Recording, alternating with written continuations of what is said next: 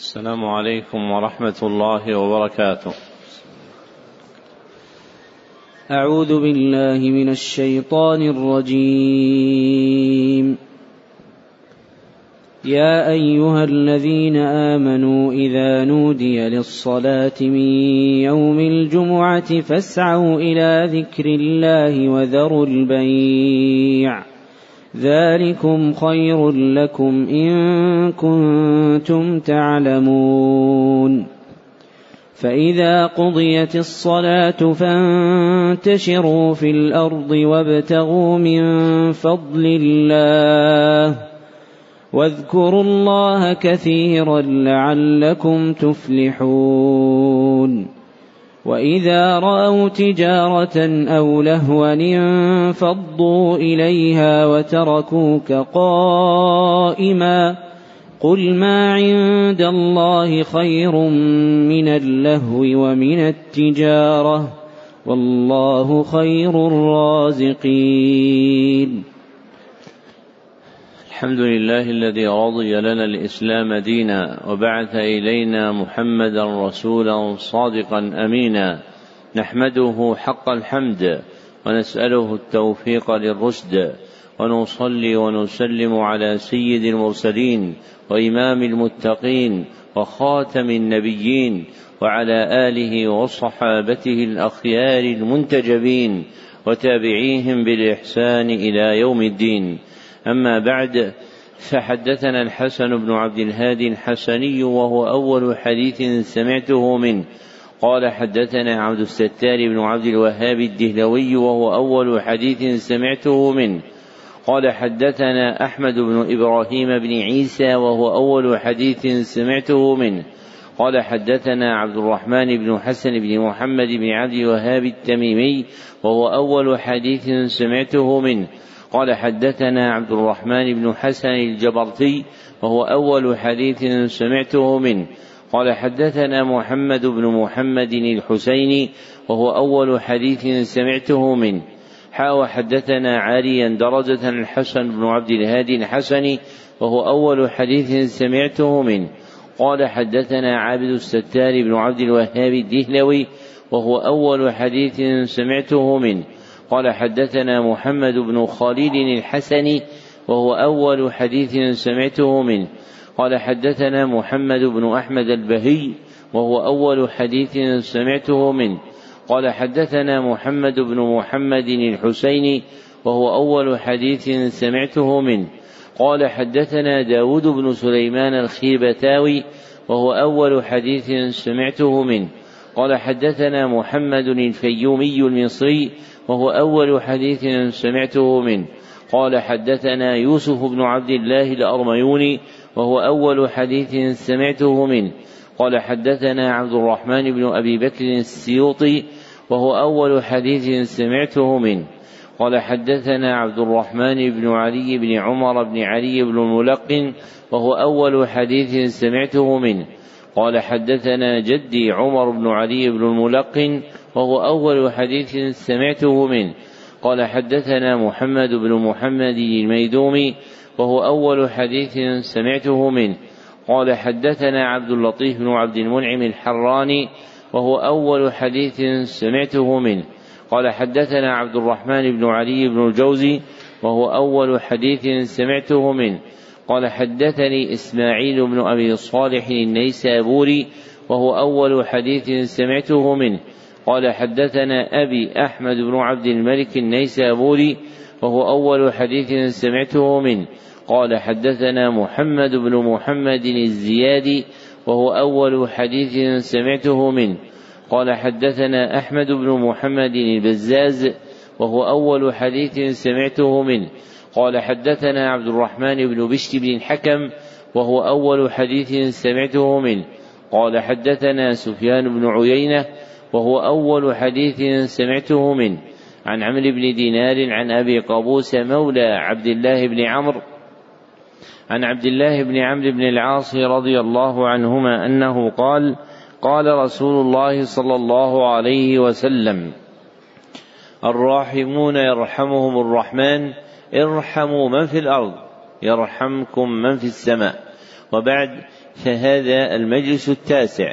في قراءة الكتاب السابع من برنامج قراءة كتب الحديث بالسرد المجود في سنته السابعة أربعين وأربعمائة وألف وهو كتاب الجامع الصحيح المسند المختصر من أمور رسول الله صلى الله عليه وسلم وسننه وأيامه المعروف شهرة بصحيح البخاري للحافظ أبي عبد الله محمد بن إسماعيل بن إبراهيم البخاري رحمه الله المتوفى سنة ست وخمسين ومائتين وقد انتهت بنا قراءته إلى قوله رحمه الله باب فضل ليلة القدر. نعم. الحمد لله رب العالمين وصلى الله وسلم على نبينا محمد وعلى آله وصحبه أجمعين. اللهم اغفر لشيخنا ولوالديه ولمشايخه وللمسلمين أجمعين. أخبركم حفظكم الله عبد العزيز بن فتح محمد اللاهوري المعروف بعزيز زبيدي قراءة عليه قال أخبرنا أحمد الله بن أمير الله الدهلوي وعبد التواب بن قمر الدين الملتاني قال أخبرنا نذير حسين بن جواد علي الدهلوي. قال أخبرنا محمد إسحاق بن محمد أفضل الدهلوي قال أخبرنا عبد العزيز بن أحمد الدهلوي قال أخبرنا محمد أمين الكشميري قال أخبرنا أحمد بن عبد الرحيم الدهلوي. قال أخبرنا أبو طاهر بن إبراهيم الكراني قال أخبرنا حسن بن علي العجيمي قال أخبرنا عيسى بن محمد الثعلبي قال أخبرنا سلطان بن أحمد المزاحي قال أخبرنا أحمد بن خليل السبكي قال أخبرنا محمد بن أحمد الغيطي قال أخبرنا زكريا بن محمد الأنصاري قال أخبرنا إبراهيم بن صدقة الصالحي قال أخبرنا إبراهيم بن أحمد التنوخي قال أخبرنا أحمد بن أبي طالب الحجار قال أخبرنا الحسين بن مبارك الزبيدي قال أخبرنا عبد الأول بن عيسى السجزي قال أخبرنا عبد الرحمن بن محمد الداودي وقال أخبرنا عبد الله بن أحمد السرخسي وقال أخبرنا محمد بن يوسف الفربري قال أخبرنا محمد بن إسماعيل الجعفي مولاهم البخاري رحمه الله تعالى أنه قال في كتابه الصحيح باب فضل ليلة القدر. وقول الله تعالى إنا أنزلناه في ليلة القدر وما أدراك ما ليلة القدر. ليلة القدر خير من ألف شهر. تنزل الملائكة والروح فيها بإذن ربهم من كل أمر. سلام هي حتى مطلع الفجر. قال ابن عيينة كان في القرآن ما أدرك فقد أعلمه. وما قال قال ابن عيينة ما كان في القرآن ما أدراك فقد أعلمه وما قال وما يدريك فإنه لم يعلم. قوله رحمه الله باب فضل تقدم أن هذه الترجمة من أمهات التراجم عند البخاري وأنه ذكرها في ستة وسبعين موضعا. نعم. أحسن الله إليكم. قال رحمه الله تعالى حدثنا علي بن عبد الله قال حدثنا سفيان قال حفظناه وإنما حفظ من الزهري عن أبي سلمة عن أبي هريرة رضي الله عنه عن النبي صلى الله عليه وسلم أنه قال من صام رمضان إيمانا واحتسابا غفر له ما تقدم من ذنبه ومن قام ليلة القدر إيمانا واحتسابا غفر له ما تقدم من ذنبه. تابعه سليمان بن كثير عن الزهري. باب التماس ليلة القدر في السبع الأواخر. قال حدثنا عبد الله بن يوسف قال أخبرنا مالك عن نافع بن عمر رضي الله عنه أن رجالا من أصحاب النبي صلى الله عليه وسلم اروا ليلة القدر في المنام في السبع الأواخر فقال رسول الله صلى الله عليه وسلم أرى رؤياكم قد تواطات في السبع الأواخر فمن كان متحديها فليتحرى في السبع الأواخر. قال حدثنا معاذ بن فضالة قال حدثنا هشام عن يحيى بن سلمة أنه قال سألت أبا سعيد رضي الله عنه وكان لي صديقا فقال اعتكفنا مع النبي صلى الله عليه وسلم العشر الأوسط من رمضان فخرج صبيحة عشرين فخطبنا وقال إني أريد القدر ثم نسيتها وقال نسيتها فالتمسوها في العشر الأواخر في الوتر وإني رأيت أني أسجد في ماء وطين فمن كان اعتكف مع رسول الله صلى الله عليه وسلم فليرجع فرجعنا وما نرى في السماء قزعة فجاءت سحابة فمطرت حتى سال سقف المسجد وكان من جليد النخل وأقيمت الصلاة فرأيت رسول الله صلى الله عليه وسلم يسلو في الماء والطين حتى رأيت أثر الطين في جبهته. باب تحري ليلة القدر في الوتر من العشر الأواخر فيه عبادة. قال حدثنا قتيبة بن سعيد قال حدثنا إسماعيل بن جعفر قال حدثنا أبو سعيد عن أبي عن عائشة رضي الله عنها أن رسول الله صلى الله عليه وسلم قال تحروا ليلة القدر في الوتر من العشر الأواخر من رمضان. قوله حدثنا قتيبة تقدم أنه ليس في رواته من اسمه قتيبة سوى قتيبة بن سعيد الثقفي. نعم. أحسن الله إليكم. قال حدثنا إبراهيم بن حمزة قال حدثني ابن أبي حازم والدراوردي عن يزيد عن محمد عن محمد بن إبراهيم عن أبي سلمة عن أبي سعيد الخدري رضي الله عنه أنه قال كان رسول الله صلى الله عليه وسلم يجاور في رمضان العشر التي في وسط الشهر فإذا كان حين يمسي من عشرين ليلة تمضي ويستقبل إحدى وعشرين رجع إلى مسكنه ورجع من كان يجاور معه أنه قام في شهر جاور فيه الليلة التي كان يرجع فيها فخطب الناس فأمرهم ما شاء الله ثم قال كنت أجاور هذه العشرة ثم قد بدأ لي أن أجاور هذه العشر الأواخر فمن كان اعتكف معي فليثبت في معتكفه وقد أريت هذه الليلة ثم أنسيتها. فابتغوها في العشر الأواخر وابتغوها في كل وتر وقد رأيت أن وقد رأيتني أسجد في ماء وطين فاستهلت السماء في تلك الليلة. فأمطرت فوقف المسجد في مصلى النبي صلى الله عليه وسلم ليلة 21 فبصرت عيني نظرت إليه فبصرت عيني نظرت إليه انصرف من الصبح وجهه ممتلئ طينا وماء. قوله حدثني ابن أبي حازم تقدم أن هذه الكنية لواحد من رواتهم هو عبد العزيز ابن سلمة ابن دينار المدني. قوله ودر وردي تقدم أن هذه النسبة عندهم هي لعبد العزيز بن محمد الدراوردي. نعم.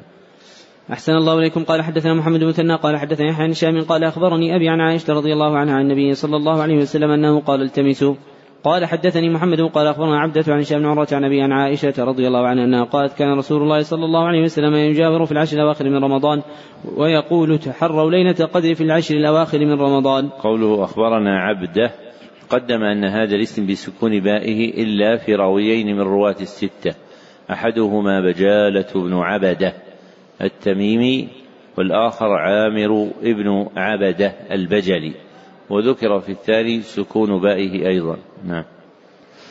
أحسن الله إليكم. قال حدثنا موسى بن إسماعيل قال حدثنا ويم قال حدثنا أيوب عن كلمة عن عباس رضي الله عنهما أن النبي صلى الله عليه وسلم قال التمسوها في العشر الأواخر من رمضان ليلة القدر في تاسعة تبقى في سابعة تبقى في خامسة تبقى.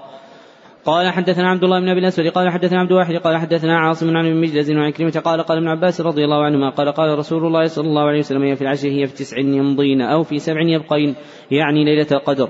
قال عبد الوهاب عن أيوب وعن خالد عن كلمة عن عباس رضي الله عنه قال التمسوا في أربع وعشرين. قوله عن أبي مجلز تقدم أن هذه الكنية هي عندهم لواحد من رواتهم واسمه لاحق بن حميد السدوسي. نعم. أحسن الله إليكم. قال حدثنا محمد بن مثنى قال حدثنا خالد بن قال حدثنا أحمد قال حدثنا أنس بن عبادة بن صامت رضي الله عنه أنه قال خرج النبي صلى الله عليه وسلم يخبرنا بليلة القدر فتلاحى رجلان من المسلمين فقال خرجت لأخبركم بليلة القدر فتلاحى فلان وفلان. فرفعت عسى أن يكون خيرا لكم فالتمسوها في التاسعة والسابعة والخامسة. باب العمل في العشر الأواخر من رمضان. قال حدثنا علي بن عبد الله قال حدثنا سفيان عن أبي عفون عن أبي الضحى مسروق عن عائشة رضي الله عنها أنها قالت كان النبي صلى الله عليه وسلم إذا دخل عشر شد مئزره وأحيا ليله ويقظ أهله. قوله عن أبي الضحى تقدم أن هذه الكنية عندهم لواحد من رواتهم يذكر بها واسمه مسلم بن صبيح الكوفي قوله عن أبي يعفور تقدم أن هذه الكنية عندهم لراويين أحدهما أبو يعفور الأكبر واسمه وقدان ويقال واقد. والآخر أبو يعفور الأصغر واسمه عبد الرحمن بن عبيد بن نسطاس الكوفي. وليست الكنية لأحدهما دون الآخر فتتميز بمعرفة الشيوخ والتلاميذ. نعم. أحسن الله إليكم. قال رحمه الله تعالى بسم الله الرحمن الرحيم. باب الاعتكاف في العشر الأواخر والاعتكاف في المساجد كلها لقوله تعالى ولا تباشروهن وأنتم عاكفون في المساجد. تلك حدود الله فلا تقربوها. كذلك يبين الله آياته للناس لعلهم يتقون. قال حدثنا اسماعيل بن عبد الله قال حدثني ابن أبي عن يوسف النافع عن أخبره عن عبد الله بن عمر رضي الله عنه أنه قال كان رسول الله صلى الله عليه وسلم يعتكف العشر الأواخر من رمضان. قال حدثنا عبد الله بن يوسف قال حدثنا ليث عن عن شاب عن عروة بن الزبير عن عائشة رضي الله عنها زوج النبي صلى الله عليه وسلم أن النبي صلى الله عليه وسلم كان يعتكف العشر الأواخر من رمضان حتى توفاه الله عز وجل ثم اعتكف أزواجه من بعده. قوله عن ابن شهاب تقدم أن هذه الكنية عندهم مع الإطلاق هي لابن شهاب الزهري واسمه محمد بن مسلم. قوله عن عقيل تقدم أن هذا الاسم يأتي في رواة الستة مصغرا في راويين أحدهما عقيل بن خالد الأيلي والآخر يحيى بن عقيل البصري. نعم. أحسن الله إليكم. قال حدثنا إسماعيل وقال حدثني مالك عن زيد بن عبد الله بن الهادي عن محمد بن إبراهيم الحارث التيمي عن أبي سلمة بن عبد الرحمن عن أبي سعيد الخدري رضي الله عنه أن رسول الله صلى الله عليه وسلم كان يعتكف في العشر الأوسط من رمضان. فاعتكف عاما حتى إذا كان ليلة 21 وهي الليلة التي يخرج من صبيحتها من اعتكافه قال من كان يعتكف معي فليعتكف العشر الأواخر وقد أريت هذه الليلة ثم أنسيتها وقد رأيتني أنزل في ماء وطين من صبيحتها فالتمسوها في العشر الأواخر والتمسوها في كل وتر فمطرت السماء تلك الليلة وكان المسجد على عريش فوقف المسجد فبصرت عينا يا رسول الله صلى الله عليه وسلم على جبهته أثر الماء والطين من صبح 21 باب الحائض ترجل المعتكف. قال حدثنا محمد بن مثنى قال حدثنا يحيى بن هشام قال أخبرني أبي عن عائشة رضي الله عنها أنها قالت كان النبي صلى الله عليه وسلم يصغي إلي رأسه وهو مجاور في المسجد فأرجله وأنا حائض. باب لا يدخل البيت إلا لحاجة. قوله باب لا تقدم أن هذه الترجمة من أمهات التراجم عند البخاري وأنه ذكرها في مئة وأربعة مواضع ولا عنده تارة للنفي وتارة للنهي. أحسن الله إليكم. قال حدثنا قتيبة قال حدثنا ليث عن شاب عن عروة وعمرة بنت عبد الرحمن أن عائشة رضي الله عنها زوج النبي صلى الله عليه وسلم قالت وإن كان رسول الله صلى الله عليه وسلم يدخل علي رأسه في المسجد فرجله وكان يدخل البيت إلا لحاجة إذا كان معتكفا. باب غسل المعتكف. قوله باب غسل. تقدم أن هذه الترجمة من أمهات التراجم عند البخاري وأنه ذكرها منكرة في سبعة عشر موضعا. ذكرها معرفة باب الغسل في أربعة مواضع وترجم بقوله باب الاغتسال في ثلاثة مواضع وبقوله باب اغتسال في موضع واحد. نعم. أحسن الله إليكم. قال حدثنا محمد بن يوسف قال حدثنا سفيان عن منصور عن إبراهيم عن الأسود عن عائشة رضي الله عنها أنها قالت كان النبي صلى الله عليه وسلم يباشرني وأنا حائض وكان يخرج رأسه من المسجد ومعتكف فأغسله وأنا حائض. باب الاعتكاف ليلا قوله باب الاعتكاف هذه الترجمة من أمهات التراجم عند البخاري ذكرها معرفة في ستة مواطن باب الاعتكاف. وقال في موضعين باب اعتكاف. نعم. أحسن الله إليكم. قال رحمه الله تعالى حدثنا مسدد قال حدثنا يحيى بن سعيد عن عبيد الله قال أخبرني نافع بن عمر رضي الله عنه أن عمر رضي الله عنه سأل النبي صلى الله عليه وسلم قال كنت نذرت بالجاهلية أن أعتكف ليلة من المسجد الحرام. قال فأوفي بنذرك. باب اعتكاف النساء. قال حدثنا ابن نعمان قال حدثنا أحمد بن زيد قال حدثنا يحيى عن عمرة عن عائشة رضي الله عنها أنها قالت كان النبي صلى الله عليه وسلم يعتكف في العشر الأواخر من رمضان فكنت أضرب له خباء فيصلي الصبح ثم يدخله فاستأذنت حفصة عائشة أن تضرب خباء فأذنت لها فضربت خباء فلما راته زينب بنت جحش ضربت خباء آخر فلما أصبح النبي صلى الله عليه وسلم رأى الأخبية فقال ما هذا؟ فأخبر فقال النبي صلى الله عليه وسلم آل بر ترون بهن فترك الاعتكاف ذلك الشهر ثم اعتكف عشرا من شوال. باب الأخبية في المسجد. قال حدثنا عبد الله بن يوسف قال اخبر مالك عن يحيى بن سعيد عن عمرة بنت عبد الرحمن عن عائشة رضي الله عنها النبي صلى الله عليه وسلم أراد أن يعتكف لما صار المكان الذي أراد أن يعتكف. إذا اخبية خباء عائشة واخباء حفصة واخباء زينب فقال آل بر تقولون بهن ثم انصرف ولم يعتكف حتى اعتكف عشرا من شوال. باب هل يخرج المعتكف لحوائجه إلى باب المسجد؟ قوله باب هل تقدم أنها من أمهات التراجم عند البخاري وأنه ذكرها في خمسة وخمسين موضعا. نعم. أحسن الله إليكم. قال حدثنا اليماني قال أخبرنا شعيب عن الزهري قال أخبرني علي بن الحسين رضي الله عنه أن صفية زوج النبي صلى الله عليه وسلم رضي الله عنها أخبرته أنها جاءت رسول الله صلى الله عليه وسلم تزوره في اعتكاف المسجد في العشر الأواخر من رمضان فتحدث عنده ساعة ثم قامت تنقلب فقام النبي صلى الله عليه وسلم معها يقلبها حتى إذا بلغت باب المسجد عند باب أم سلمة. مر رجلان من الأنصار فسلم على رسول الله صلى الله عليه وسلم فقال لهم النبي صلى الله عليه وسلم عارس لكم إنما هي صفية بنت حيين. فقال سبحان الله يا رسول الله يكبر عليهما. فقال النبي صلى الله عليه وسلم إن الشيطان يبلغ الإنسان مبلغ الدم خشيت أن يقذف في قلوبكما شيئا. قوله حدثنا أبو اليمان تقدم أن هذه الكنية عندهم عند الإطلاق هي لأبي اليمان الحمصي واسمه الحكم ابن نافع. وقوله في الحديث إن الشيطان يبلغ من الإنسان يعني الشيطان القرين. وكان هذا الحديث في رمضان. ففيه أن القرين لا يقيد بخلاف غيره من الشياطين فإنهم يصفدون. نعم. أحسن الله إليكم. قال رحمه الله تعالى باب الاعتكاف. وخرج النبي صلى الله عليه وسلم صبيحة عشرين. قال حدثني عبد الله بن منير أنه سمع هارون بن إسماعيل قال حدثني علي بن مبارك قال حدثني يحيى بن أبي كثير قال سمعت أبا سلمة بن عبد الرحمن قال سألت أبا سعيد الخدري رضي الله عنه أنه قال قلت هل سمعت من رسول الله صلى الله عليه وسلم يذكر ليلة القدر. قال نعم اعتكفنا مع رسول الله صلى الله عليه وسلم عشر أوسط من رمضان. قال فخرجنا صبيحة عشرين. قال فخطبنا رسول الله صلى الله عليه وسلم صبيحة عشرين فقال إني أريد ليلة القدر وإني نسيتها فالتمسها في العشر الأواخر في وتر. فإني رأيت أني أسجد في ماء وطين ومن كان اعتكف مع رسول الله صلى الله عليه وسلم فليرجع فرجع الناس إلى المسجد. وما نرى في السماء قزعة. قال وجاءت سحابة فمطرت وأقيمت الصلاة فسجد رسول الله صلى الله عليه وسلم في الطين والماء حتى رأيت الطين في في أرنبته وجبهته. باب اعتكاف المستحاضة. قال حدثنا قتيبة قال حدثنا يزيد بن زريع عن خالد عن كلمة عن عائشة رضي الله عنها أنها قالت اعتكفت مع رسول الله صلى الله عليه وسلم امرأة من أزواجه مستحاضة وكانت ترى الحمرة والصفرة فربما وضعت الطست تحتها وهي تصلي. باب زيارة المرأة زوجها في اعتكافه. قال حدثنا سعيد بن عفان قال حدثني الليث قال حدثني عبد الرحمن بن خالد عن ابن شهاب عن علي بن حسين رضي الله عنه أن صفية زوج النبي صلى الله عليه وسلم رضي الله عنها أخبرته قال حدثنا عبد الله بن محمد قال حدثنا هشام قال أخبرنا معمر الزهري عن علي بن حسين كان قال كان النبي صلى الله عليه وسلم المسجد وعنده أزواجه فرحنا فقال لصفيه بنت حيي لا تعجلي حتى انصرف معك وكان بيتها في دار اسامه فخرج النبي صلى الله عليه وسلم معه فلقيه رجلا من الانصار فنظر إلى النبي صلى الله عليه وسلم ثم اجاز وقال لهما النبي صلى الله عليه وسلم تعالى يا إنها صفية بنت حيين قال سبحان الله يا رسول الله قال الشيطان يجري من لساني ويتقدم وإني خشيت أن يلقي في أنفسكما شيئا. باب هل يدرأ المعتكف عن نفسه؟ قال حدثني اسماعيل بن عبد الله قال أخبرني أبي قال قال أخبرني أخي عن سليمان عن محمد بن أبي عتيق عن شاب عن علي بن حسين رضي الله عنه من نصرية اخبرت قال حدثنا علي بن عبد الله قال حدثنا سفيان قال سمعت زهري يخبر عن علي بن حسين عن أن صفيه رضي الله عنها أتت النبي صلى الله عليه وسلم معتكف. فلما رجعت مشى معها فأبصره رجل من الانصار فلما أبصره دعاه فقال تعالى هي صفيه ربما قال سفيان هذه صفية. فإن الشيطان يجري من آدم مجرى الدم قلت يا سفيان أتيت أتته ليلا؟ قال وهل هو إلا ليل؟ باب من خرج من اعتكافه عند الصبح. قوله باب من تقدم أن هذه الترجمة من أمهات التراجم عند البخاري وأنه ذكرها في ثلاثة وأربعين وثلاثمائة موضع. أحسن الله إليكم. قال حدثنا عبد الرحمن قال حدثنا سفيان عن مجرد قال عن سليمان الأحولي خالد بن أبي نجيح عن أبي سلمة عن أبي سعيد رضي الله عنه. قال سفيان وحدثنا محمد بن عمرو عن أبي سلمة عن أبي سعيد رضي الله عنه. قال وأظن أن ابن أبي لبيد حدثنا عن أبي سلمة عن أبي سعيد رضي الله عنه أنه قال اعتكفنا مع رسول الله صلى الله عليه وسلم العشر الأوسط فلما كان صبيحة عشرين نق...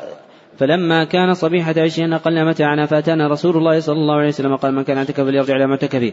فإني رأيت هذه الليلة ورأيت ينزل في ماء مطين فلما رجع إلى معتكفه وهاجت السماء فامطرنا فهو الذي بعثه بالحق لقد هاجت السماء من آخر ذلك اليوم وكان المنزل عريشا. فلقد رأيت على أنفه وأرنبته أثر الماء والطين. باب الاعتكاف في شوال. قال حدثنا محمد. قال أخبرنا محمد بن فضيل بن غزوان عن يحيى بن سعيد عن عمرة بنت عبد الرحمن عن عائشة رضي الله عنها أنها قالت كان رسول الله صلى الله عليه وسلم يعتكف في كل رمضان.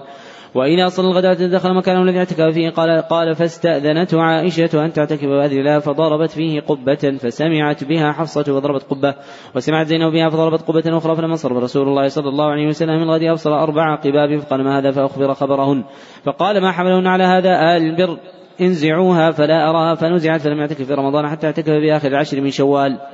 باب من لم يرى عليه صوما باب من لم يرى عليه صوما إذا اعتكف. قوله باب من لم يرى تقدم أن هذه الترجمة من أمهات التراجم عند البخاري وأنه ذكرها في عشرة مواضع. نعم. أحسن الله إليكم. قال حدثنا إسماعيل بن عبد الله عن أخيه عن سليمان عن عبيد الله بن عمر عن نافع عن عبد الله عن نافع عن عبد الله بن عمر رضي الله عنه عن عمر الخطاب رضي الله عنه أنه قال يا رسول الله إني نذرت في الجارية أن أعتكف ليلة في المسجد الحرام فقال له النبي صلى الله عليه وسلم أو في نذرك فاعتكف ليلة. باب إذا نذر في الجاهلية أن يعتكف ثم أسلم. قال حدثنا عبيد بن إسماعيل قال حدثنا مسامة عن عبيد الله عن نافع بن عمر رضي الله عنه أن عمر رضي الله عنه نذر في الجاهلية يعتكف في المسجد الحرام. قال وراه قال ليلة قال له رسول الله صلى الله عليه وسلم أوفي بنذرك. باب الاعتكاف العشر الأوسط من رمضان.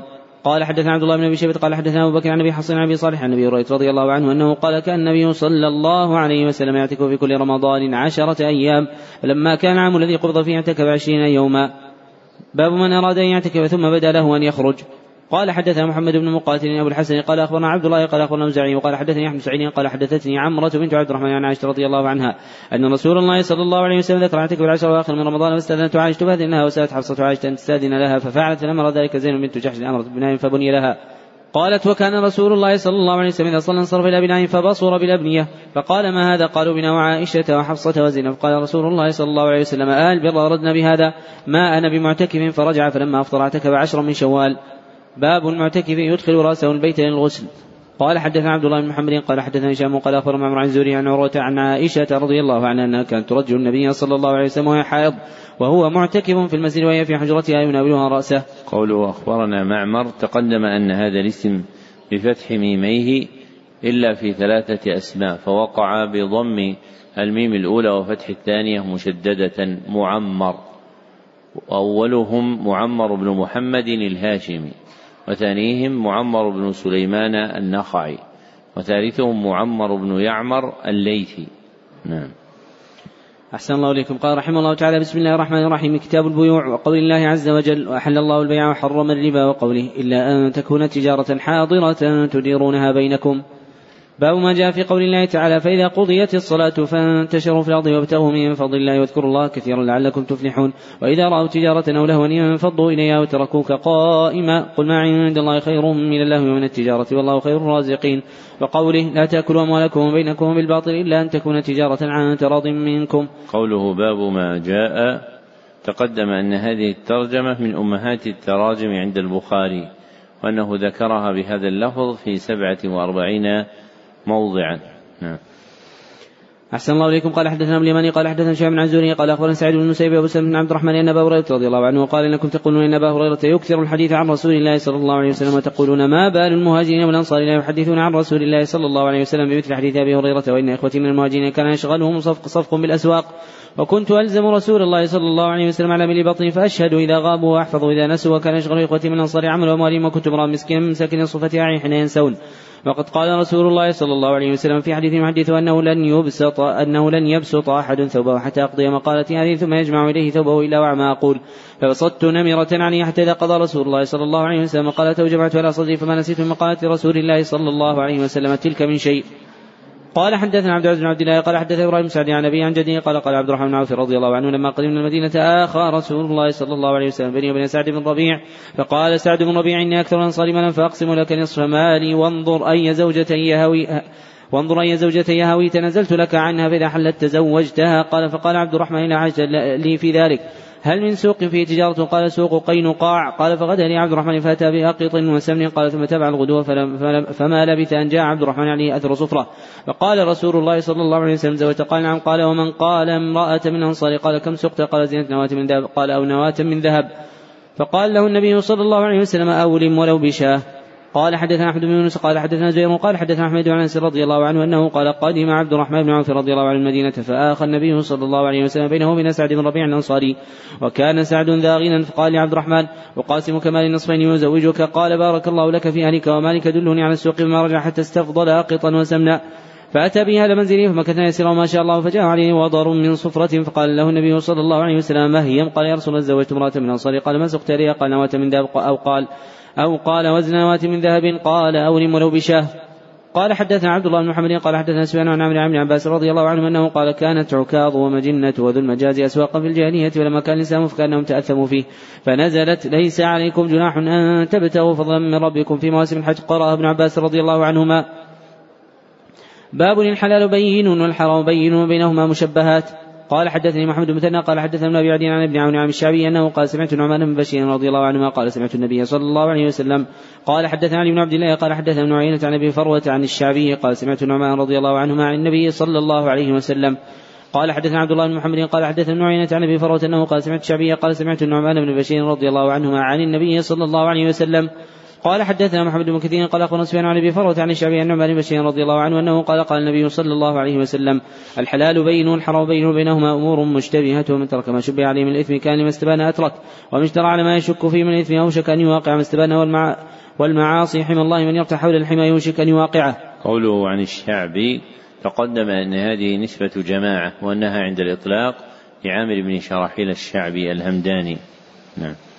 أحسن الله إليكم. قال رحمه الله تعالى باب تفسير المشبهات. وقال حسان بن أبي سنان ما رأيت شيئا أهون من الورع دع ما يريبك إلى ما لا يريبك. قال حدثنا محمد بن كثير قال أخبرنا سفيان قال أخبرنا عبد الله بن عبد الرحمن بن أبي حسين قال حدثنا عبد الله بن أبي مليكة عن عقبة بن حارث رضي الله عنه امرأة سوداء جاءت فزعمت أنها أرضعتهما فذكر النبي صلى الله عليه وسلم فأعرض عنه وتبسم النبي صلى الله عليه وسلم قال كيف وقد قيل وقد كانت تحته ابنة أبي إيهاب التميمي. قال حدثنا يحيى بن قزعة قال حدثنا مالك عن شاب بن عروة بن الزبير عن عائشة رضي الله عنها أنها قالت كان عتبة بن أبي وقاص عهد إلى أخيه سعد بن أبي وقاص أن ابن وليدة زمعة مني فاقبضه. قالت فلما كان عم الفتح أخذه سعد بن أبي وقاص وقال ابن أخي قد عهد إلي فيه فقام عبد بن زمعة فقال أخي وابن وليد أبي ولد على فراشه فتساوق إلى النبي صلى الله عليه وسلم فقال سعد يا رسول الله ابن أخي كان قد عهد إلي فيه فقال عبد بن زمعة. أخي وابن وليد أبي ولد على فراشه فقال رسول الله صلى الله عليه وسلم ولك يا عبد بن زمعة. ثم قال النبي صلى الله عليه وسلم الولد الفراش والعين الحجر ثم قال لسودة بنت زمعة زوج النبي صلى الله عليه وسلم احتج منه لما رأى منه من شبهه بعتبة فما رآها حتى لقي الله عز وجل. قال حدثنا ابن الوليد قال حدثنا شعبة قال أخبرني عبد الله بن أبي السبت عن شعبي عن عدي بن حاتم رضي الله عنه أنه قال سألت النبي صلى الله عليه وسلم عن المعراض فقال إن أصاب حديث فكن إذا أصاب عظيم فلا تكن فإنه وقيد فقلت يا رسول الله أرسل كلبي وأسمي فأجد معه فأجد معه على صيد كلبا آخر لم أسمي عليه ولا أدري أيهما أخذ قال لا تكن إنما سميت على كلبك ولم تسمي على الآخر. باب ما يتنزه من الشبهات. قال حدثنا قبيصة قال حدثنا سفيان عن منصور عن طلحة عن أنس رضي الله عنه أنه قال مر النبي صلى الله عليه وسلم بتمرة مسقوطة فقال لولا أن تكون صدقة لاكلتها وقال همام عن أبي هريرة رضي الله عنه عن النبي صلى الله عليه وسلم قال أجد تمرة ساقطة على فراشي باب من لم يرى الوساوس ونحوها من المشبهات.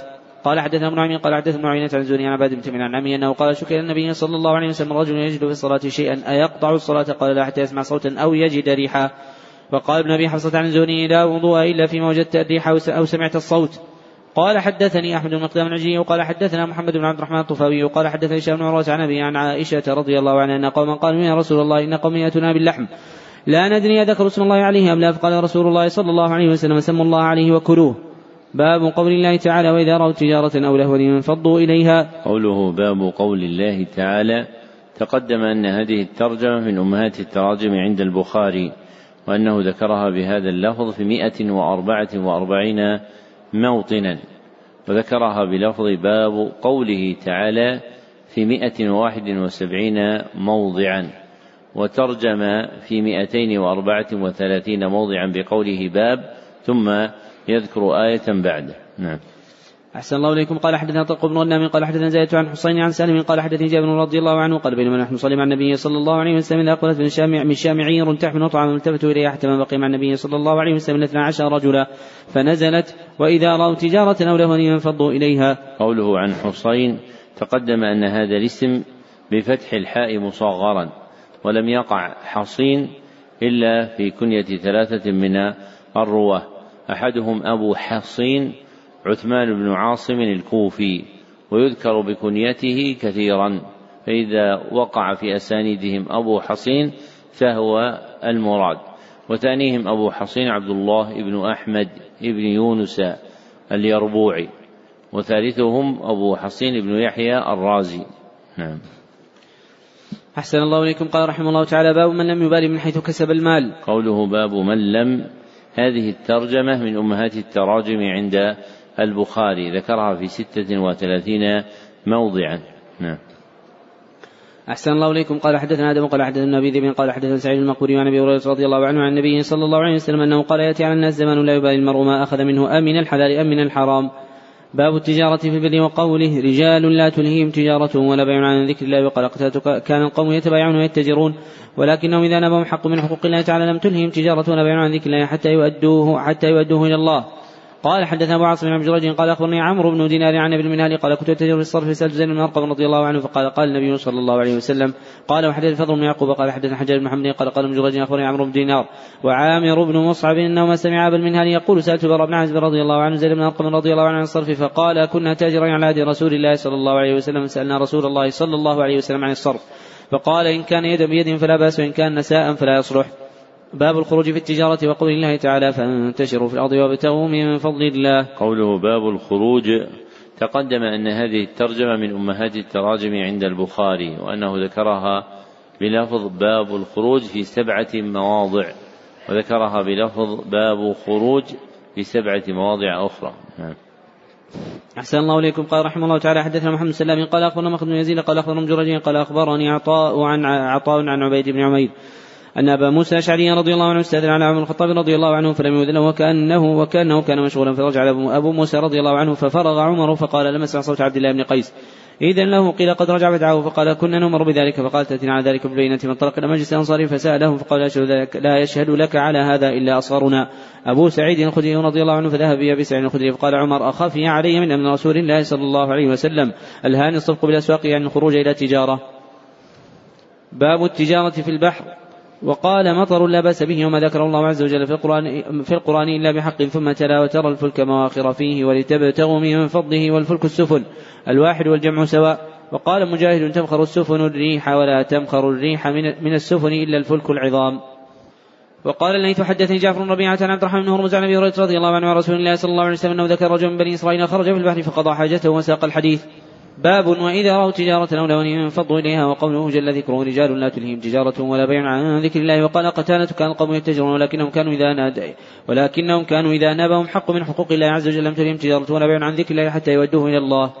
قال حدثني محمد قال حدثني محمد بن فضيل عن حسين عن سالم بن الجعد عن جابر رضي الله عنه أنه قال أقبلت عير ونحن نصلي مع النبي صلى الله عليه وسلم الجمعة فانفض الناس إلا اثني عشر رجلا فنزلت هذه الآية. وإذا رأوا تجارة أو لهوا انفضوا إليها وتركوك قائما. باب قول الله تعالى أنفقوا من طيبات ما كسبتم. قال حدثنا عثمان بن شيبه قال حدثنا جرير عن منصور عن النبي وعن مسروق عن عائشة رضي الله عنها أنها قالت قال النبي صلى الله عليه وسلم إذا أنفقت المرأة من طعام بيتها غير مفسدة كان لها أجرها بما أنفقت لزوجها بما كسب ويخازن مثل ذلك لا ينقص بعضهم أجر بعض شيئا. قال حدثني احمد جعفر قال حدثنا عبد الرزاق عن معمر عن همام قال سمعت أبا هريرة رضي الله عنه عن النبي صلى الله عليه وسلم أنه قال إذا أنفقت المرأة من كسب زوجها عن غير أمره فله نصف أجره. باب من أحب البسط في الرزق. قال حدثنا محمد بن يعقوب الكرماني قال حدثنا حسن قال حدثنا يوسف قال حدثنا محمد بن أنس مالك رضي الله عنه أنه قال سمعت رسول الله صلى الله عليه وسلم يقول من سر ويبسط له رزقه أو ينسى له في أثره فليصل رحمه.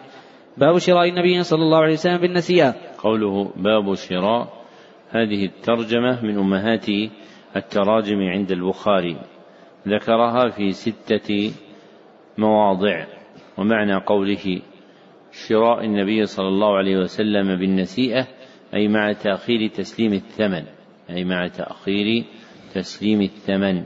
أحسن الله إليكم. قال حدثنا معل بن أسد قال حدثنا عبد الواحد قال حدثنا عمش قال ذكرنا عند إبراهيم الرهن في وقال حدثنا أسد عن عائشة رضي الله عنها أن النبي صلى الله عليه وسلم اشترى طعام من يهودي إلى أجل ورهنه درعا من حديد. قال حدثنا مسلم قال حدثنا هشام قال حدثنا قتادة عن أنس. قال حدثني محمد بن عبد الله بن حوشم قال حدثنا أسباط أبو اليسيع البصري. قال حدثنا هشام بن دستواني عن قتادة انس رضي الله عنه انه مشى النبي صلى الله عليه وسلم بخبز شعير وإهالة سرقة. ولقد رهن النبي صلى الله عليه وسلم درعا له بالمدينة عند يهودي وأخذ منه شعيرا لأهله. ولقد سمعته يقول ما أمسى عندي عند آل محمد صلى الله عليه وسلم صاع بر ولا صاع حب.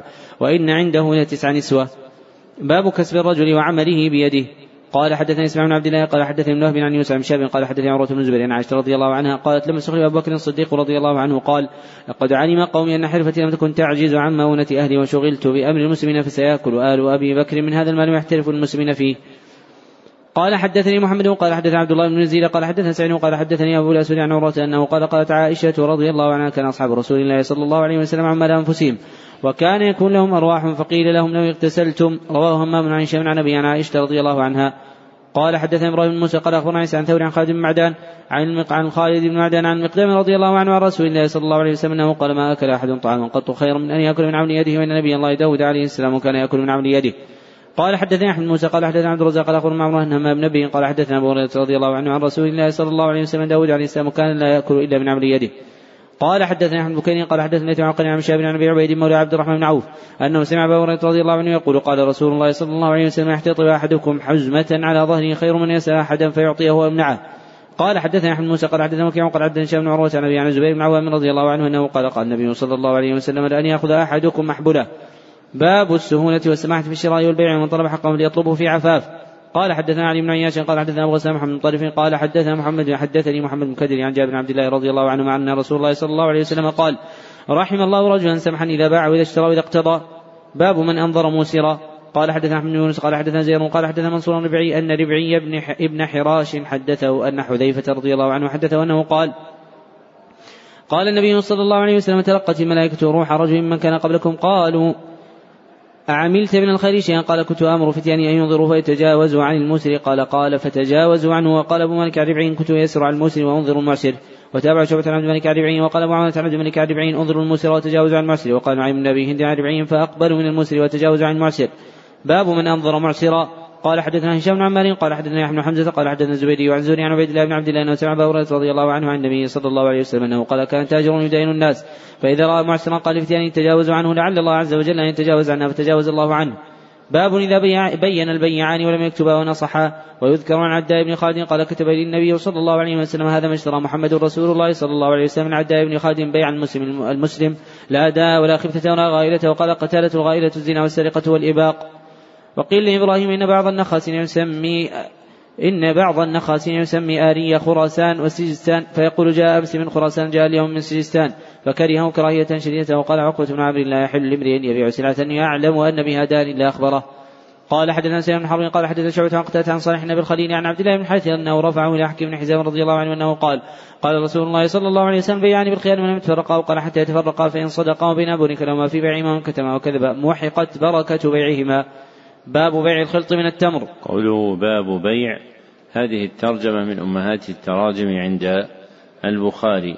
ذكرها في ستة وثلاثين موضعا في كتاب البيوع. نعم. أحسن الله إليكم. قال حدثنا ابن عمي قال حدثنا شبان عن يحيى بن سلمة عن سعيد رضي الله عنه أنه قال كنا نرزق تمر الجمع والخلط من التمر وكنا نبيع صاع بصاع فقال النبي صلى الله عليه وسلم لا صاع وصاع ولا درهمين بدرهم. باب ما قيل في اللحام والجزار. قال حدثنا عمرو بن حصين قال حدثنا أبي قال حدثنا أعمش قال حدثني شقيق عن أبي مسعود رضي الله عنه قال جاء رجل من أنصار يكنى أبا شعيب فقال لغلام له قصاب اجعل لي طعاما يكفي خمسة مني أريد أن أدعو النبي صلى الله عليه وسلم خامس خمسة فإني قد عرفت في وجهي الجوع فدعاهم فجاء معهم رجل فقال النبي صلى الله عليه وسلم إن هذا قد تبع إن هذا قد تبعنا فإن شئت أن تأذن له. فإن شئت أن تأذن له فأذن له وإن شئت أن يرجع رجع فقال لا بل قد أذنت له. باب ما باب ما يمحق الكذب والكتمان في البيع. قال حدثنا بدر بن محبري قال حدثنا شعبة عن قتادة أنه قال سمعت ابا الخليل يحدث عن عبد الله بن الحارث عن حكيم بن حزام رضي الله عنه عن النبي صلى الله عليه وسلم أنه قال البيعان بالخيار من لم يتفرقا وقال حتى يتفرقا فإن صدقا وبين بورك لهما في بيعهما وكتما وكذبا محقت بركة بيعهما. قوله حدثنا بدل ليس في رواة من اسمه بدل سوى هذا الراوي بدل بن المحبر التميمي. نعم. أحسن الله إليكم. قال رحمه الله تعالى باب قول الله تعالى يا أيها الذين آمنوا لا تأكلوا الربا أضعافا مضاعفة واتقوا الله لعلكم تفلحون. قال حدثنا آدم قال حدثنا أبي ذئب قال حدثنا سعيد المقبري عن أبي هريرة رضي الله عنه عن النبي صلى الله عليه وسلم أنه قال يأتينا على الناس زمان لا يبالي المرء بما أخذ المال من حلال أم من حرام. باب آكل الربا وشاهده وكاتبه وقوله تعالى الذين يأكلون الربا لا يقومون إلا كما يقوم الذي يتخبطه الشيطان من المس. ذلك بأنهم قالوا إنما البيع مثل الربا وحل الله البيع وحرم الربا فمن جاءه موعظة من ربه فانتهى فله ما سلف أمره إلى الله. ومن عاد فأولئك أصحاب النار هم فيها خالدون. قال حدثنا محمد بشار قال حدثنا ودن قال حدثنا شعبة عن منصور عن أبي الضحى مسروق عن عائشة رضي الله عنها أنها قالت لما نزلت اخر البقرة قرأهن النبي صلى الله عليه وسلم عليهم في المسجد ثم حرم التجارة في الخمر. قال حدثنا موسى بن إسماعيل قال حدثنا ابن حزم قال حدثنا أبو رجاء عن سمرة بن جندب رضي الله عنه أنه قال قال النبي صلى الله عليه وسلم رأيت ليلة رجلين اتياني فاخرجاني إلى الأرض المقدسه فانطلقنا حتى أتينا على نهر من دم فيه رجل قائم على وسط النهر رجل بين يديه حجارة فأقبل الرجل الذي في النار فإذا أراد رجل أن يخرج رمى الرجل بحجر في فيه فرده حيث كان. فجعل كل ما جاء يخرج رمى في فيه بحجر فيرجع كل ما كما كان فقلت ما هذا فقال الذي رأيته في النهر آكل الربا باب موكل الربا لقوله تعالى يا أيها الذين آمنوا اتقوا الله وذروا ما بقي من الربا إن كنتم مؤمنين فإن لم تفعلوا فأذنوا بحرب من الله ورسوله وإن تبتم فلكم رؤوس أموالكم لا تظلمون ولا تظلمون وإن كان ذو عسرة فنظرة إلى ميسرة وأن تصدقوا خير لكم إن كنتم تعلمون واتقوا يوم ترجعون فيه إلى الله ثم توفى كل نفس ما كسبت وهم لا يظلمون. قال ابن عباس رضي الله عنه هذه آخر آية نزلت عن النبي صلى الله عليه وسلم. قال حدثنا ابن الوليد قال حدثنا شعبة عن عون أبي جحيفة أنه قال رأيت أبي اشترى عبدا حجاما فسألته فقال نهى النبي صلى الله عليه وسلم عن ثمن الكلب وثمن الدم ونهى عن الواشمة والموشومة وأكل الربا وموكله ولعن المصور باب يمحق الله الربا ويربي الصدقات والله لا يحب كل كفار أثيم قال حدثني أحمد بن قال حدثني عن مسعود بن قال قال ابن سيب بن أبي هريرة رضي الله عنه قال سمعت رسول الله صلى الله عليه وسلم يقول الحليف منفقة لسلعه ممحقة البركة. قوله باب ما يكره نعم تفضل أكمل. أحسن الله إليكم. قال رحمه الله تعالى باب ما يكره من الحلف في البيع. قوله باب ما يكره هذه الترجمة من أمهات التراجم عند المصنف. ذكرها بهذا اللفظ في خمسة وثلاثين موضعا وبلفظ كراهية في تسعة مواضع وفي وبلفظ باب من كره في خمسة مواضع. نعم. أحسن الله إليكم. قال حدثنا عمرو بن محمد قال حدثنا شيخ قال أخبرنا عوام عن إبراهيم بن عبد الرحمن عبد الله بن أبي أوفى رضي الله عنه رجلا قام سلعة هو وهو في السوق فحلف بالله لقد أعطى بها ما لم يعطي ليوقع فيها رجل من المسلمين فنزلت إن الذين يشتر إن الذين يشترون بعهد الله وإيمانهم ثمنا قليلا. باب ما قيل في الصواغ وقال طاووس عن عباس رضي الله عنهما قال قال النبي صلى الله عليه وسلم لا يقتل أخلا وقال عباس إن الإدخر فإنه لقين من بيوتهم فقال إلا الإدخر قوله باب ما قيل هذه الترجمة من أمهات التراجم عند البخاري ذكرها في أربعة عشر موضعا. نعم. أحسن الله إليكم. قال حدثنا عبدان وقال أخبرنا عبد الله قال أخبرنا يونس عن بشاب قال أخبرني علي بن حسين حسين بن علي رضي الله عنه أخبرنا علي رضي الله عنه عليه السلام قال إن كانت لي شارف من نصيب من المغنم وكان النبي صلى الله عليه وسلم أعطاني شارفا من الخمس فلما أردت أن أبتني بفاطمة عليه السلام رضي الله عنها بنت رسول الله صلى الله عليه وسلم وعدت رجلا صواغا بني قينقاع أن يرتحي معي فنأتي به الخير أردت أن أبيعه من الصواغين وأستعين به في وليمة عرسي قال حدثنا إسحاق قال حدثنا خالد بن عبد الله عن خالد عن كلمة عن عباس رضي الله عنه أن رسول الله صلى الله عليه وسلم قال إن الله حرم مكة ولم تحل لأحد قبلي ولا لأحد بعدي وإنما حلت لي ساعة من نهار لا يختلى خلاها ولا يعضد شجرها ولا ينفر صيدها ولا يلتقط لقطتها إلا لمعرف وقال عباس بن عبد المطلب إلا يدخل لصاغتنا وليسوق في بيوتنا فقال إلا يدخل فقال عكرمة هل تدري ما ينفر صيدها هو ان تنحيه من الظل وتنزل مكانه قال عبد عن خالد لصاغتنا وقبورنا باب ذكر القين والحداد. قوله باب ذكر هذه الترجمة من أمهات التراجم عند البخاري. ذكرها في ثلاثين موضعا. نعم. أحسن الله إليكم. قال حدثنا محمد بن بشار قال حدثنا أبي عدي عن شعبة عن سليمان عن الضحى مسروق عن خباب رضي الله عنه أنه قال كنت قينا في الجاهلية وكان لي على العاص بن وائل دين فأتيت فتقضاه وقال لا أعطيك حتى تكفر بمحمد صلى الله عليه وسلم. وقلت لا أكفر حتى يميتك الله ثم تبعث. قال دعني حتى أموت وأبعث فسويت مالا ولدا فأقضيك فنزلت. أفرأيت الذي كفر بآياتنا وقال لأوتين مالا وولدا. أطلع الغيب من اتخذ عند الرحمن عهدا. باب ذكر الخياط. قال حدثنا عبد الله بن يوسف قال أخبرنا مالك عن إسحاق بن عبد الله بن أبي طلحة أنه سمع أنس مالك رضي الله عنه يقول إن خياطا دعا رسول الله صلى الله عليه وسلم طعام صنعه. قال أنس مالك رضي الله عنه فذهبت مع رسول الله صلى الله عليه وسلم. من ذلك الطعام فقرب إلى رسول الله صلى الله عليه وسلم خبزا ومرقا فيه دباء وقديد. رايت النبي صلى الله عليه وسلم يتبع الدباء من حوالي القصعة. قال فلما زل نحب الدباء من يومئذ. باب ذكر النساج. قال حدثني أحمد بن قال حدثني يعقوب بن عبد الرحمن عن أبي حازم قال سمعت سالم سعد رضي الله عنه قال جاءت امرأة من بردة قال تدرون من بردته قيل له نعم هي الشمنه منسوج في منسوج في حاشيتها. قالت يا رسول الله إني نسيت هذه بيدي أكسوكها فأخذها النبي صلى الله عليه وسلم محتاجا إليها فخرج إلينا وإنها إزاره. فقال رجل من قوم يا رسول الله اكسنيها أكسنيها؟ فقال نعم فجلس النبي صلى الله عليه وسلم نجز ثم رجع فطواها ثم أرسل بها إليه فقال له القوم ما أحسنت؟ سألت أن ولقد علمت أنه لا يرد سائلا فقال الرجل والله ما سألته إلا لتكون كفني يوم أموت. قال سهل فكان كانت كفنا باب النجار. قال حدثنا قتيبة بن قال حدثنا عبد العزيز عن أبي حازم قال آتى رجال إلى سالم بن سعد يسألون عن المنبر فقال بعث رسول الله صلى الله عليه وسلم إلى فلانة امرأة قد سماها قد سماها سالم امري غلامك النجار يعمل لي أجلس عليهن إذا كلمت الناس فأمرته يعملها من طرفاء الغابة ثم جاء بها فأرسلت إلى رسول الله صلى الله عليه وسلم بها فأمر بها فوضعت فجلس عليه. قال حدثنا خلاد بن يحيى قال حدثنا عبد واحد بن ايمن عن أبي عن جابر بن عبد الله رضي الله عنه ان امرأة من الانصار قالت لرسول الله صلى الله عليه وسلم يا رسول الله لا اجعل لك شيء تقعد عليه فان لي غلام نجارا قال إن شئت قالت قال فعملت له المنبر. فلما كان يوم الجمعة قعد النبي صلى الله عليه وسلم عن المنبر الذي صنع فصاحت النخلة التي كان يخطب عندها حتى كادت تنشق. فنزل النبي صلى الله عليه وسلم حتى أخذها فضمنها فجعلت تئن ولين الصبي الذي يسكت حتى استقرت قال بكت على ما كانت تسمع من الذكر. باب شراء الحوائج بنفسه. وقال ابن عمر رضي الله عنهما اشترى النبي صلى الله عليه وسلم جملا من عمر. وقال عبد الرحمن بن بكر رضي الله عنه ما جاء مشرك بغنم فاشترى النبي صلى الله عليه وسلم منه شاة واشترى من جابر بعيرا.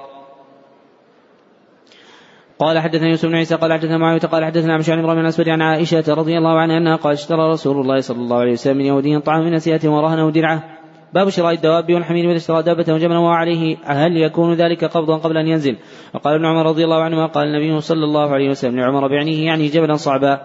قال حدثنا محمد بن قال حدثنا عبد الوهاب قال حدثنا عبد الله عن بن كيسان عن جابر بن عبد الله رضي الله عنه أنه قال كتب عن النبي صلى الله عليه وسلم في غزاة فابطى بي جملي وأعيا فأتى علي النبي صلى الله عليه وسلم قال جابر قل فقلت نعم قال ما شأنك؟ قلت أبطى علي جملي وأعيا فتخلفت فنزل يحجنه بمحجنه ثم قال فركبت ولقد رأيته أكف عن رسول الله صلى الله عليه وسلم قال زوجت قلت نعم.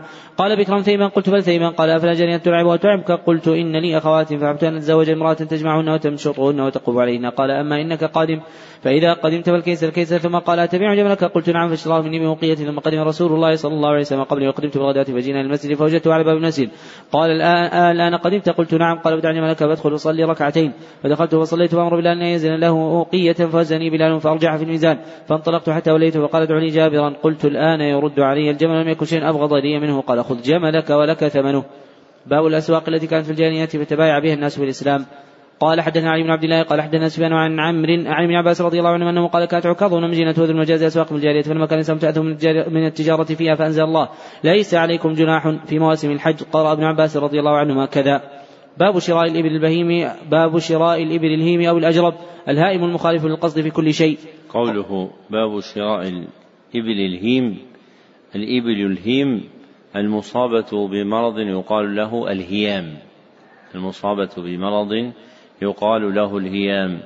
يجعلها عطاشا تطلب الماء دوما. يجعلها عطاشا تطلب الماء دوما. نعم. أحسن الله إليكم. قال حدثنا علي قال حدثنا سفيان وقال قال عمرو كان ها هنا رجل اسمه نواس وكانت عنده إبل هيم فذهب ابن عمر رضي الله عنهما فاشترى تلك الإبل من شريك له فجاء إليه شريكه فقال بعنا تلك الإبل. فقال من بعتها؟ قال من شيخ كذا وكذا فقال ويحك؟ ذاك والله ابن عمر فجاءه فقال إن شريكي باعك إبلا هيما ولم يعرفك. قال فاست قال فاستقها قال فلما ذهب يستقها فقال دعا رضي بقضاء رسول الله صلى الله عليه وسلم لا عدوى. سمع سفيان عمرا باب بيع السلاح في الفتنة وغيرها وكان عمران بن حسين رضي الله عنه بيعه في الفتنة. قال حدثنا عبد الله بن سلمة عن مالك عن يحيى بن سعيد عن ابن افلح عن أبي محمد مولى أبي قتادة عن أبي قتادة رضي الله عنه أنه قال خرجنا مع رسول الله صلى الله عليه وسلم عام حنين فأعطاه يعني درعا فبعت الدرع فابتعت فابتعت به مخرفا من بني سلمة. فإنه لاول من تأثلته في الإسلام. باب في العطار وبيع المسك. قال حدثني موسى بن إسماعيل قال حدثنا عبد الواحد قال حدثنا أبو بردة بن عبد الله قال سمعت ابا بردة بن أبي موسى عن أبي رضي الله عنه أنه قال قال رسول الله صلى الله عليه وسلم مثل الجليس الصالح والجليس السوء كمثل صاحب المسك وكيل, الحداد. لا يعدمك من صاحب المسك إما تشتريه أو تجد ريح أو تجد ريحه. وكيل الحداد يحرق بدنك أو ثوبك أو تجد منه ريحا خبيثه باب ذكر الحجام. قال حدثنا عبد الله بن يوسف قال أخبرنا مالك بن حميد عن مالك رضي الله عنه أنه قال حجم أبو طيبة رسول الله صلى الله عليه وسلم فأمر له بصاع من تمر وأمر أهله أن يخففوا من خراجه. قال حدثنا مسلم قال حدثنا خادم بن عبد الله قال حدثنا خادم عن بن عباس رضي الله عنه أنه قال احتجم النبي صلى الله عليه وسلم اعطى الذي حجمه ولو كان حراما لم يعطيه باب التجارة فيما يكره لبسه للرجال والنساء. قال حدثنا آدم قال حدثنا شعبة قال حدثنا بكر بن عن سالم بن عبد الله بن عمر عن النبي رضي الله عنه أنه قال أرسل النبي صلى الله عليه وسلم عمر رضي الله عنه بحلة حرير. بحلة حرير أو سيرا فراها عليه فقال إني لمرسل بها إليك تلبسها إنما يلبسها من لا خلاق له إنما بعثت إليك لتستمتع بها يعني تبيعها. قال حدثنا عبد الله بن يوسف قال اخبرناه مالك عن نافع عن القاسم بن محمد عن عائشة أم المؤمنين رضي الله عنها أنها أخبرت انها أشترت نمرقة فيها تصاوير فلما رآها رسول الله صلى الله عليه وسلم قام عن الباب فلم يدخلوا فعرفت في وجه الكراهية. وقلت يا رسول الله أتوب إلى الله وإلى رسوله صلى الله عليه وسلم ماذا أذنبت؟ فقال رسول الله صلى الله عليه وسلم ما بال هذه النمرقة. قلت اشتريتها لك لتقعد عليها وتوسدها. فقال رسول الله صلى الله عليه وسلم إن أصحاب هذه الصور يوم القيامة يعذبون. فيقال لهم أحيوا ما خلقتم. وقال إن البيت الذي فيه الصور لا تدخل الملائكة. باب صاحب السلعة أحق بالسوم. قال حدثنا موسى بن إسماعيل قال حدثنا عبد الوارث عن أبي التياح عن أنس رضي الله عنه أنه قال قال النبي صلى الله عليه وسلم يا بني النجار ثمنوا بحائطكم وفيه خراب ونخل. باب كم يجوز الخيار؟ قوله باب كم تقدم أن هذه الترجمة من أمهات التراجم عند البخاري وأنه ذكرها في ستة مواضع. نعم. أحسن الله إليكم. قال حدثنا صدقة قال أخبرنا عبد الوهاب قال سمعت يحيى قال سمعت نافع بن عمر رضي الله عنه عن النبي صلى الله عليه وسلم أنه قال إن المتبايعين بالخيار في بيعهما لم تفرقا ويكون البيع خيارا. قال نافع كان عمر رضي الله عنه إذا اشترى شيئا يعجبه فرق صاحبه. قال حدثنا حفص بن عمر قال حدثنا همام عقدة عن أبي الخليل عن عبد الله بن حاتم عن حكيم بن حزام رضي الله عنه عن النبي صلى الله عليه وسلم أنه قال بيعان بالخيار من المفترقا وزاد أحمد قال حدثنا بزن قال قال قال همام ذكرت ذلك بالتياح. فقال كنت مع أبي الخليل لما حدثه عبد الله بن حاتم بهذا الحديث. باب إذا لم يوقت في الخيار هل يجوز البيع؟ قال حدثنا ابن عمر قال حدث عن زين قال حدثنا ايوب عن نافع عن ابن عمر رضي الله عنه أنه قال قال النبي صلى الله عليه وسلم بيعني بالخير من تفرق ويقول أحد من صاحبه اختر وربما قال أو يكون بيع خيار. باب البيعان بالخيار من تفرق به. قال ابن عمر وشريح الشعبي وطاووس وعطاء بن أبي مليكة. قال حدثني إسحاق قال أخبرنا حبان قال حدثنا شعبة قال قال قتادة أخبرني قال قتادة أخبرني عن صالح بن الخليل عن عبد الله بن حاتم أنه قال سمعت حكيم بن حزام رضي الله عنه عن النبي صلى الله عليه وسلم أنه قال بيعني بخير ما تفرق من صدقة وبين بورك لهما في بيعهما وإن كذبا وكتما محقت بركة بيعهما. قال حدثنا عبد الله بن يوسف قال أخبرنا مالك عن عبد الله بن عمر رضي الله عنه أن رسول الله صلى الله عليه وسلم قال المتبايعان كل واحد منهما بالخيار على صاحبه ما لم تفرقا إلا بيع الخيار. باب إذا خير أحدهما صاحبه بعد بيع فقد وجب البيع. قال حدثنا قتيبة قال حدثنا ليث عن نافع بن عمر رضي الله عنه مع رسول الله صلى الله عليه وسلم أنه قال تبايع رجلان كل واحد منهما بالخيار ما لم تفرق وكان جميعا يخير احدهما الآخر. فتبايع على ذلك فقد وجب البيع وإن تفرق بعد أن تبايع ولم تكن واحد منهم البيع فقد وجب البيع. باب إذا كان البيع بالخيار وهل يجوز البيع. باب إذا كان البيع بالخيار هل يجوز البيع؟ قال حدثنا محمد بن يوسف قال حدثنا سفيان عن عبد الله بن دينار عن ابن عمر رضي الله عنه عن النبي صلى الله عليه وسلم أنه قال كل بيعين لا بيع بينهما حتى يتفرق إلا بيع الخيار. قال حدثني إسحاق قال حدثنا حبان قال حدثنا امام قال حدثنا قتادة عن الخليل عن عبد الله بن الحاج عن كيم بن حزام رضي الله عنه أن النبي صلى الله عليه وسلم قال بيعني بالخير من الفرق وقال همام وجدت في كتابي يختار ثلاث مرار فإن صدق وبين بورك لهم في بيع من كذب وكتم فعسى أن يربح ربحا ويمحق بركة بيعهما.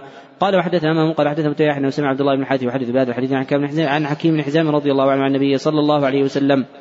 باب إذا اشترى شيئا فواه من ساعته قبل أن يتفرق ولم ينكر البائع على المشتري واشترى عبدا فاعتقه وقال طاووس المشتري السلعة على رضا ثم باعها وجبت له والربح له.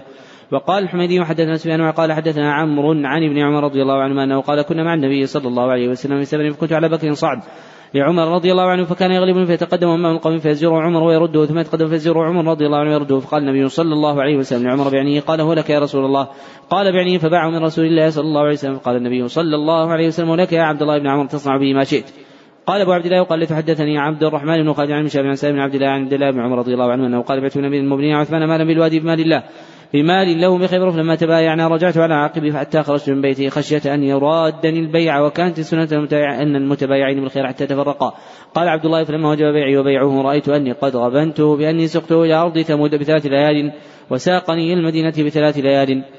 باب ما يكره من الخداع في البيع. قال حدثنا عبد الله بن يوسف قال اخبر مالك عن عبد الله بن دينار عن عبد الله بن عمر رضي الله عنهما أن رجلا ذكر النبي صلى الله عليه وسلم يخدع في البيع فقال إذا بايعت فقل لا خلابة. باب ما ذكر في الأسواق. وقال عبد الرحمن بن عوف لما قدمنا المدينة قلت هل من سوق فيه تجارة؟ قال سوق قينقاع وقال أنس رضي الله عنه قال عبد الرحمن عن سوق وقال عمر رضي الله عنه هل الصفق بالأسواق؟ قال حدثنا محمد الصباح قال حدثنا إسماعيل بن زكريا عن محمد بن سوقة عن نافع بن جبير بن مطعم قال حدثتني عائشة رضي الله عنها أنها قالت قال رسول الله صلى الله عليه وسلم يغزو جيش للكعبة كانوا بإدام الأرض يخسر بأول ما آخرهم قال قلت يا رسول الله كيف يخسر بأول ما آخرهم مسواقهم ومن ليس منهم قال يخسر بأول ما آخرهم ثم يبعثون على نياتهم. قال حدثنا قتيبة قال حدثنا جرير عن عامش عن بصاح عن رضي الله عنه أنه قال قال رسول الله صلى الله عليه وسلم صلاة احدكم في جماعة تزيد على صلاته في سوقه وبيته بضع وعشرين درجة. وذلك بأنه إذا توضأ فأحسن وضوء ثم أتى مسجد لا يريد إلا الصلاة لا ينهزم إلى الصلاة ولم يخطو خطوة إلا رفع بها درجة أو حطت عنه بها خطيئة وما تصلي على أحدكم ما في مصلى الذي يصلي فيه. اللهم صل عليه اللهم ارحمه. ما لم يحدث فيه ما لم يذي فيه وقال أحدكم في صلاة ما كانت الصلاة تحبسه.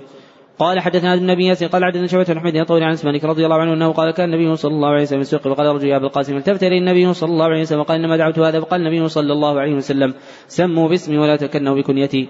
قال حدثنا مالك بن إسماعيل قال حدثنا زيد بن أحمد عن رضي الله عنه أنه قال دعا رجل من البقيع يا ابا القاسم تفتري النبي صلى الله عليه وسلم وقال لم أعنك قال سموا باسمي ولا تكتنوا بكنيتي.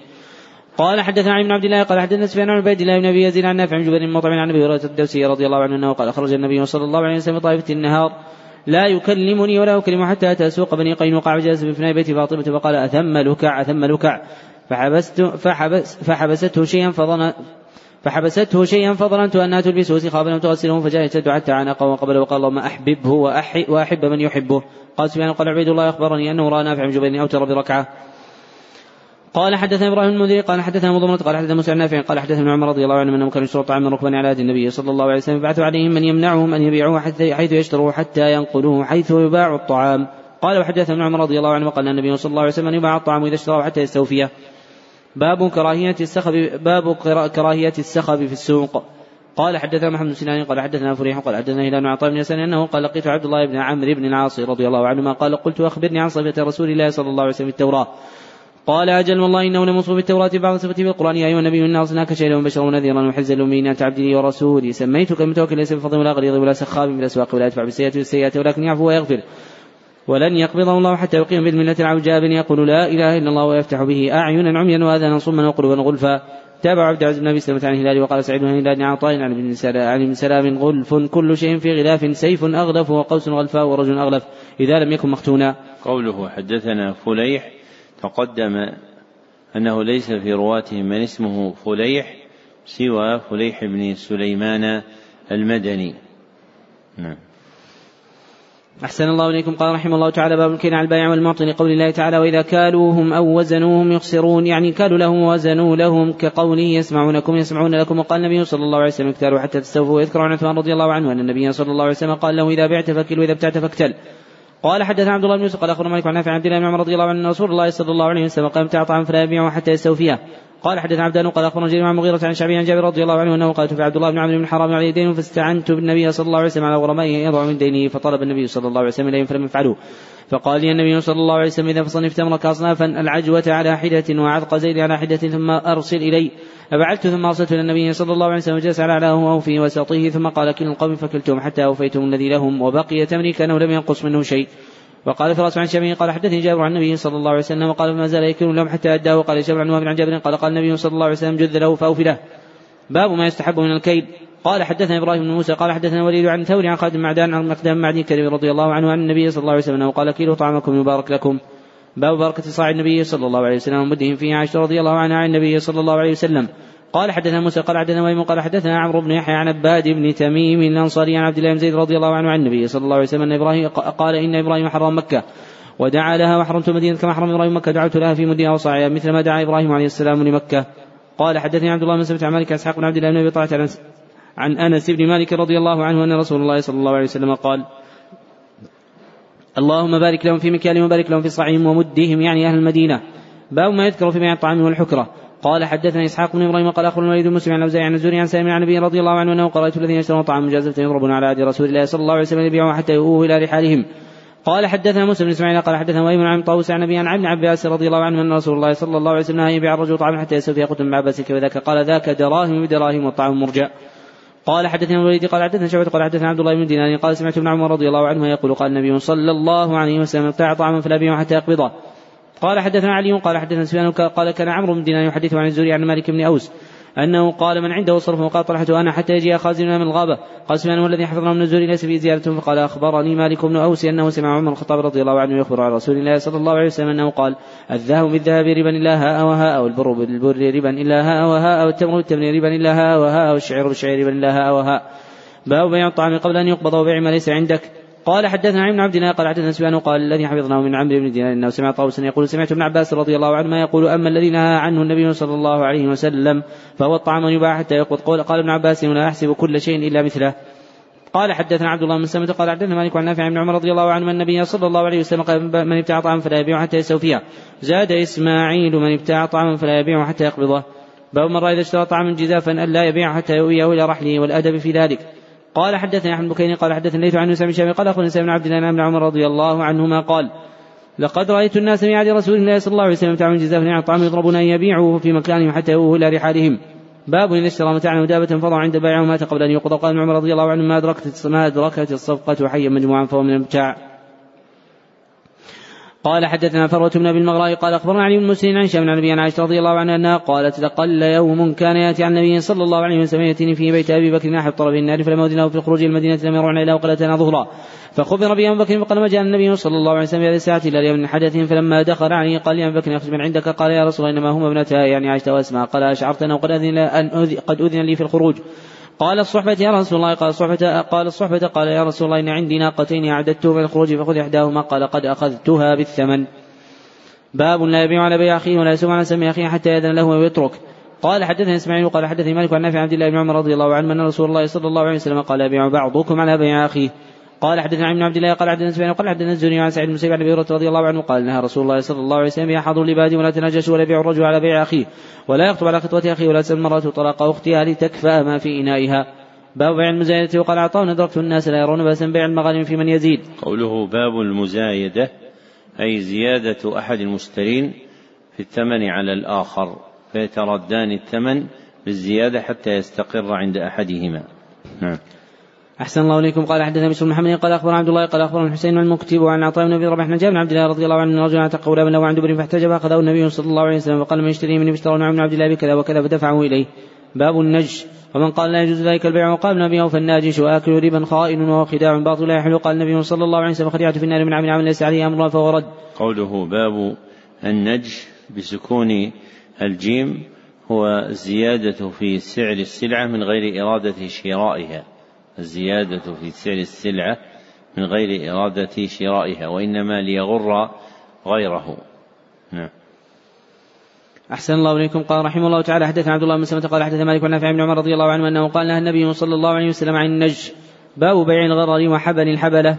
قال حدثنا عبد الله بن يوسف قال أخبرنا مالك عن نافع عبد الله بن عمر رضي الله عنه أن رسول الله صلى الله عليه وسلم نهى عن بيع حبل الحبلة وكان بيعا يتبايعها الجاهلية. كان رجل يبتاع الجزور الا أن تنتج الناقة ثم تنتج التي في بطنها.